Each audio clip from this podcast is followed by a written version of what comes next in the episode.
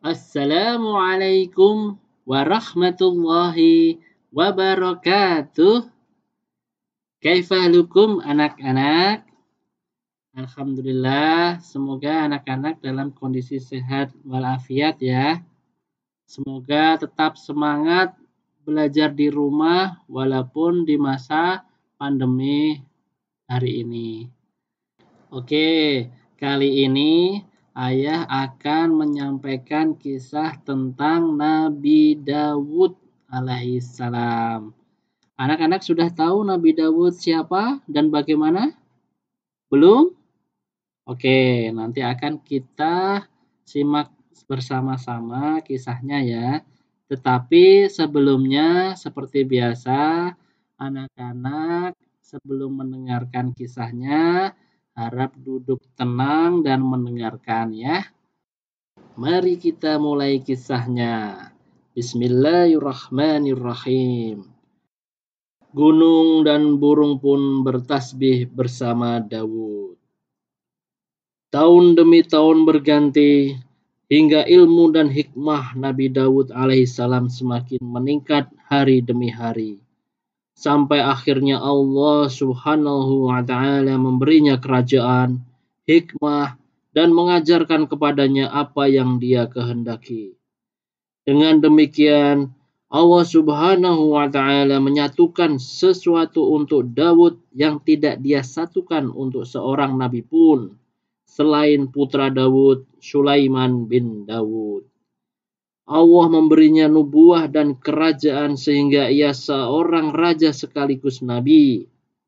Allah juga memberinya suara merdu, mengajarkan kepadanya cara membuat baju perang, memberinya suara yang ketika terdengar oleh gunung, mereka segera tunduk pada perintah Rob dan bertasbih bersama Dawud. Bahkan burung-burung yang tidak lain adalah makhluk yang paling lembut hatinya, turut bertasbih bersama Dawud. Sehingga seluruh alam raya ikut bertasbih bersama Dawud. Gunung dengan bebatuan-bebatuannya dan burung dengan bahasa mereka. Dawud alaihissalam adalah sosok pemberani yang tekadnya dikuatkan iman dalam dirinya sehingga ketika Bani Israel diam terpaku untuk memerangi Jalut Wujud Jalut sedikit, sedikit pun tidak menyutkan nyali Dawud. Ia justru keluar barisan untuk menghampirinya, sampai akhirnya berhasil membunuhnya. Kematian panglima perang adalah petaka besar bagi pasukannya, sehingga mendatangkan kekalahan. Dengan demikian, Daud alaihissalam adalah satu umat tersendiri dengan keberanian dan kekuatan yang ia miliki. Ini tidak lain disebabkan oleh keimanan di dalam dirinya, laksana arus jeram yang menyapu segala sesuatu.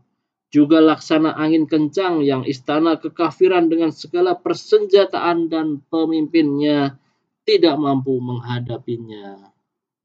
Nabi Allah Dawud alaihissalam adalah contoh bagi raja yang enggan makan selain dari hasil pekerjaan tangannya sendiri. Seperti disebutkan dalam hadis Sesungguhnya makanan yang paling baik yang dimakan seseorang adalah dari hasil kerjanya. Dan Nabi Allah Dawud memakan dari hasil kerja tangannya. Sahih At-Tirmizi. Allah memberikan Dawud alaihissalam keterampilan yang tidak dikuasai oleh seorang pun di masanya.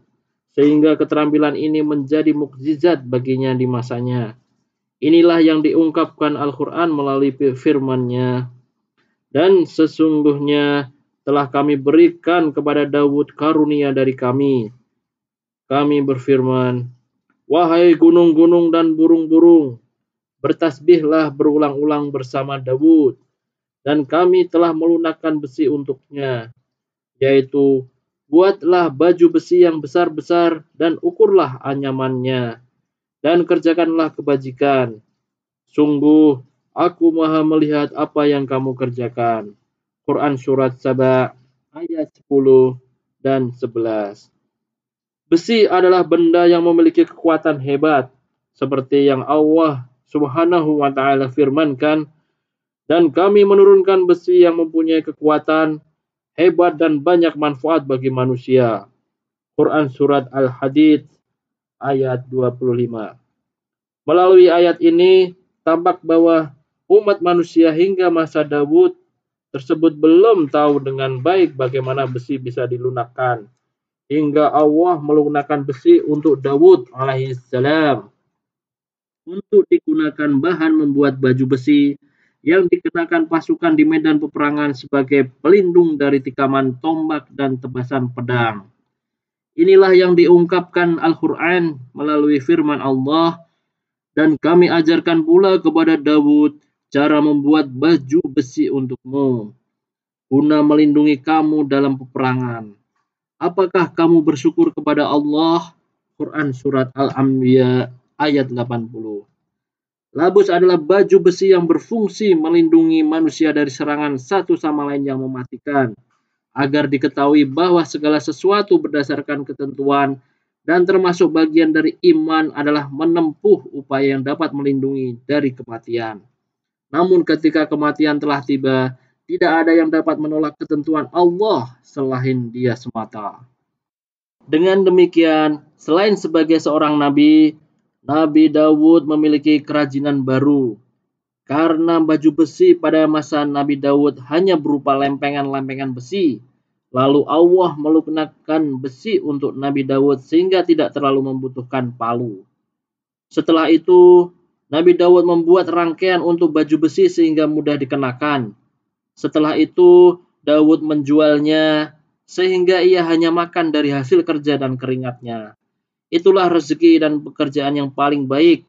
Allah memanggilnya, Bekerjalah wahai keluarga Dawud untuk bersyukur kepada Allah.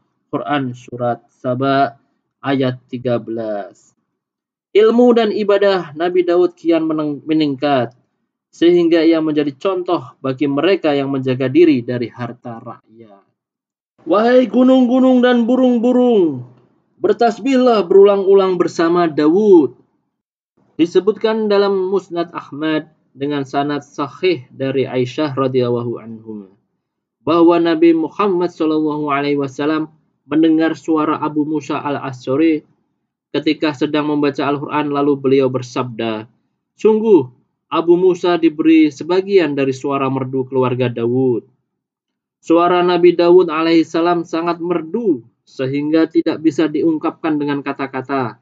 Sampai Abu Musa yang memiliki suara paling merdu setelah Rasulullah Shallallahu Alaihi Wasallam hanya diberi satu di antara suara merdu Dawud. Keindahan suaranya hingga memaksa gunung-gunung yang tinggi turut bertasbih bersamanya. Burung-burung yang tengah mengepakkan sayap di udara pun berhenti mengepak dengan tenangnya karena turut bertasbih bersamanya. Betapa indah suara yang membuat banyak makhluk berhenti untuk bertasbih bersamanya. Bahkan kawanan burung dikumpulkan untuk bertasbih bersamanya. Sungguh betapa indah dan merdunya suara Dawud. Jika pengaruh suara saja sudah seperti itu bagi burung dan batu, lantas bagaimana pengaruhnya terhadap orang-orang mukmin? Berikut ini ayat Al-Quran yang menggambarkan pemandangan-pemandangan menawan alam raya bertasbih bersama Dawud alaihissalam ketika Allah subhanahu wa ta'ala berfirman, dan ingatlah akan hamba kami Dawud yang mempunyai kekuatan. Sungguh dia sangat taat kepada Allah Sungguh, kamilah yang menundukkan gunung-gunung untuk bertasbih bersama dia pada waktu petang dan pagi. Dan kami tundukkan pula burung-burung dalam keadaan terkumpul, masing-masing sangat taat kepada Allah. Quran Surat Shot ayat 17 sampai dengan ayat 19. Burung berhenti di udara turut bersenandung dan bertasbih bersama Dawud. Gunung-gunung juga ikut bertasbih bersamanya ini semua tidak lain karena perintah Robnya yang berfirman, Kamilah yang menundukkan gunung-gunung untuk bertasbih bersama dia, Dawud, pada waktu petang dan pagi. Quran Surat Sot ayat 18. Dialah yang memerintahkan gunung-gunung melalui firman-Nya. Wahai gunung-gunung dan burung-burung, bertasbihlah berulang-ulang bersama Dawud. Quran Surat Sabah ayat 10. Benar kata Nabi Muhammad Shallallahu Daud adalah manusia yang paling tekun beribadah. Dialah yang terus beribadah di tengah malam dan di penghujung siang. Hingga Allah Subhanahu wa taala berfirman, Kamilah yang menundukkan gunung-gunung untuk bertasbih bersama dia, Daud. Pada waktu petang dan pagi. Quran Surat Sot ayat 18. Bahkan seperti yang dikatakan Ibnu Qasir rahimahullah, tidak berlalu sesaat pun waktu pada tengah malam ataupun penghujung siang hari, melainkan keluarganya melakukan ibadah.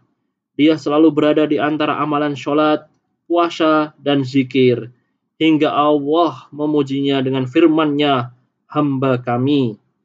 Inilah tingkatan ubudiyah yang paling tinggi, bukan yang lain. Nabi Muhammad Wasallam menyebut semua keistimewaan Daud ini seperti disebutkan dalam hadis riwayat Abdullah bin Amr bin As dari Nabi Muhammad Shallallahu Alaihi Wasallam. Beliau bersabda, sholat yang paling disukai Allah adalah sholatnya Daud dan puasa yang paling disukai Allah adalah puasanya Daud. Ia tidur separuh malam, khiyamul lail sepertiganya, lalu tidur lagi seperenamnya. Ia berpuasa sehari dan berbuka sehari, dan tidak melarikan diri saat berhadapan dengan musuh. Sahih Al-Bukhari. Alhamdulillah anak-anakku telah kita dengarkan bersama kisah Nabi Daud yang luar biasa. Sangat banyak sekali hikmah dan pelajaran yang bisa kita ambil bersama anak-anakku untuk kehidupan saat ini. Misalkan ketekunan Nabi Dawud alaihissalam dengan bekerja dengan tangannya sendiri untuk menghidupi kehidupannya, tidak berpangku tangan dengan orang lain. Yang kedua, Nabi Dawud selalu tekun beribadah kepada Allah Subhanahu wa taala baik waktu di waktu petang maupun di waktu pagi Bahkan Allah Subhanahu wa taala sampai memberikan mukjizat yang luar biasa dengan memberikan suara yang sangat merdu. Sampai-sampai gunung dan burung-burung pun ikut bertasbih bersama Nabi Daud alaihissalam. Masya Allah, sungguh kisah yang luar biasa anak-anakku. Anak-anakku, jika ada hikmah yang lain, silahkan nanti diceritakan kepada ayah bundanya ya. Sekian kisah kali ini. Wassalamualaikum warahmatullahi wabarakatuh.